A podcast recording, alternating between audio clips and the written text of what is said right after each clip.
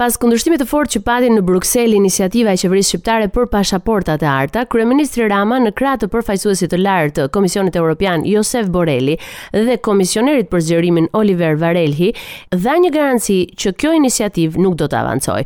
Borrell në fjalën e tij tha: "Ne patëm mundësi të mirëpresim deklaratën e Ramës që skema e pashaportave të arta nuk do të ndiqet më tej dhe kemi trajtuar edhe çështje të tjera veçanërisht polarizimin e mjedisit politik në vend.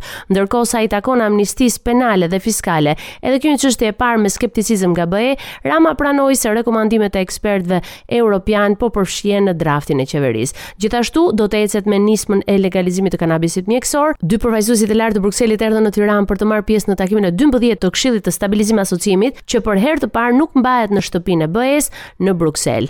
Të dy e shohin këtë si një vlerësim për ecurinë e Shqipërisë dhe e bëjnë të qartë se procesi i anëtarësimit të plotë nuk është çështje datash, por reformash të përmbushura. Rama nga ana tjetër krenohet me rezultatet e reformës në drejtësi që ka vendosur në bankën e të akuzuarve dhe të dënuarve edhe njerëz të lidhur me pushtetin. Nga ana tjetër i pakënaqur me vëmendjen financiare që Bashkimi Europian ka për Ballkanin Perëndimor, Rama kërkoi më shumë, edhe pse është falënderues që komisioneri Varelhi erdhi me lajmin e mirë të lëvrimit të financimit për Kolegjin Europian të Bruzhit, që në shtator ai lajmëron se do të hapë aplikimet për studentët në Tiranë. Asnjëri prej dy anëtarëve të lartë të BE-së nuk pranoi të komentojë mbi zhvillimet politike në Tiranë, pasi këtë çështje e shohin të brendshme. Pasi KAS vendosi që KQZ-ja duhet të regjistrojë në zgjedhjet vendore të katërmbëdhjetë majit Partinë Demokratike me nënkryetarin Enkelejd Alibeaj në cilësinë e kryetarit të komanduar të partisë, ky i fundit ka reaguar me anë të një postimi në rrjetet sociale. Alibeaj përshëndeti vendimin e KAS teksa ftoi të gjithë kandidatët demokratë të bashkohen dhe të prezantohen me një kandidat të PD-së në zgjedhjet lokale. Vendimi i sotëm i KAS është konfirmimi i detyrimit ligjor për të regjistruar PD-në në zgjedhjet lokale të katërmbëdhjetë majit. Vonesa gati dy javore për këtë proces me autor kryekomisionerin Celibashi është një dëm që i është bërë demokratëve dhe shqiptarëve nga zgjatimet e politikës së vjetër në institucionet e pavarura kushtetuese. Me këtë rast edhe një herë ftojmë të gjithë kandidatët demokratë pa asnjë dallim të bashkohemi dhe të prezantohemi me një kandidat të PD-së në zgjedhjet lokale. Le të lëmë mënjanë mëritë dhe mosmarrëveshjet dhe le të bëjmë më të mirën e mundshme përballë regjimit të Edi Ramës, mbylli postimin e tij Alibeaj.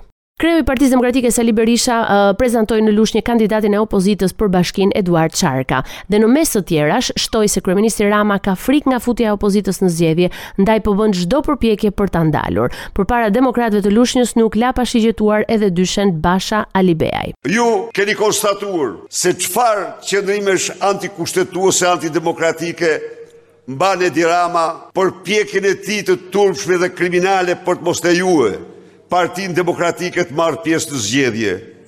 Jo, përpjekja e tij tregon tmerrin, frikën që ka nga vota juaj. Edi Rama konfiskoi logon e partisë Duke përdorë dy pengje, por u them këtu, lidhjet e tyre janë lidhje krimi. Arrestuan për një tender dy milionë euro narkomanin e Bulqizës. A e dini ju pse e arrestuan? E arrestuan se nuk pranoi të largohej, donte të kandidonte patjetër. Edhe ja mbanin dosjen. Kur na ndajnë dy muaj nga procesi elektoral i 14 majit, Komisioneri Shtetëror i Zgjedhjeve Ilirjan Celibashi ka bërë thirrje partive politike të mos kandidojnë persona me rekorde kriminale. Të njëjtin mesazh ka adresuar nga tryeza Mbrojtja e Integritetit Zgjedhor në Shqipëri edhe zëvendës ambasadori amerikan Demian Smith, ndërsa ambasadori i OSBE-së De Sanctis kërkoi nga agjencitë ligjzbatuese Ndjekje penale ndaj kujtdo që bën pis procesin elektoral përmes fenomenit të shitblerjes së votave. Ambasadori britanik Alastair King-Smith bëri thirrje për një proces të lirë, transparent dhe të ndershëm. Apeli i ndërkombëtarëve vjen në një kohë kur për shkak të rekordeve kriminale, Komisioni Qendror i Zgjedhjeve i ka hequr mandatin disa prej kryebashkiakëve, këshilltarëve bashkiakë si dhe deputetëve të Kuvendit. Kryeministri Edi Rama në një takim me biznesin e madh dhe përfaqësues i ka bërë thirrje sipërmarrjeve që të rrisin pagat për punonjësit e tyre dhe të mos i shfrytëzojnë kapitalet njerëzore. Ai u shpreh se sot bizneset private po përballen me mungesën e burimeve njerëzore dhe ky është një shqetësim që duhet të marrë zgjidhje.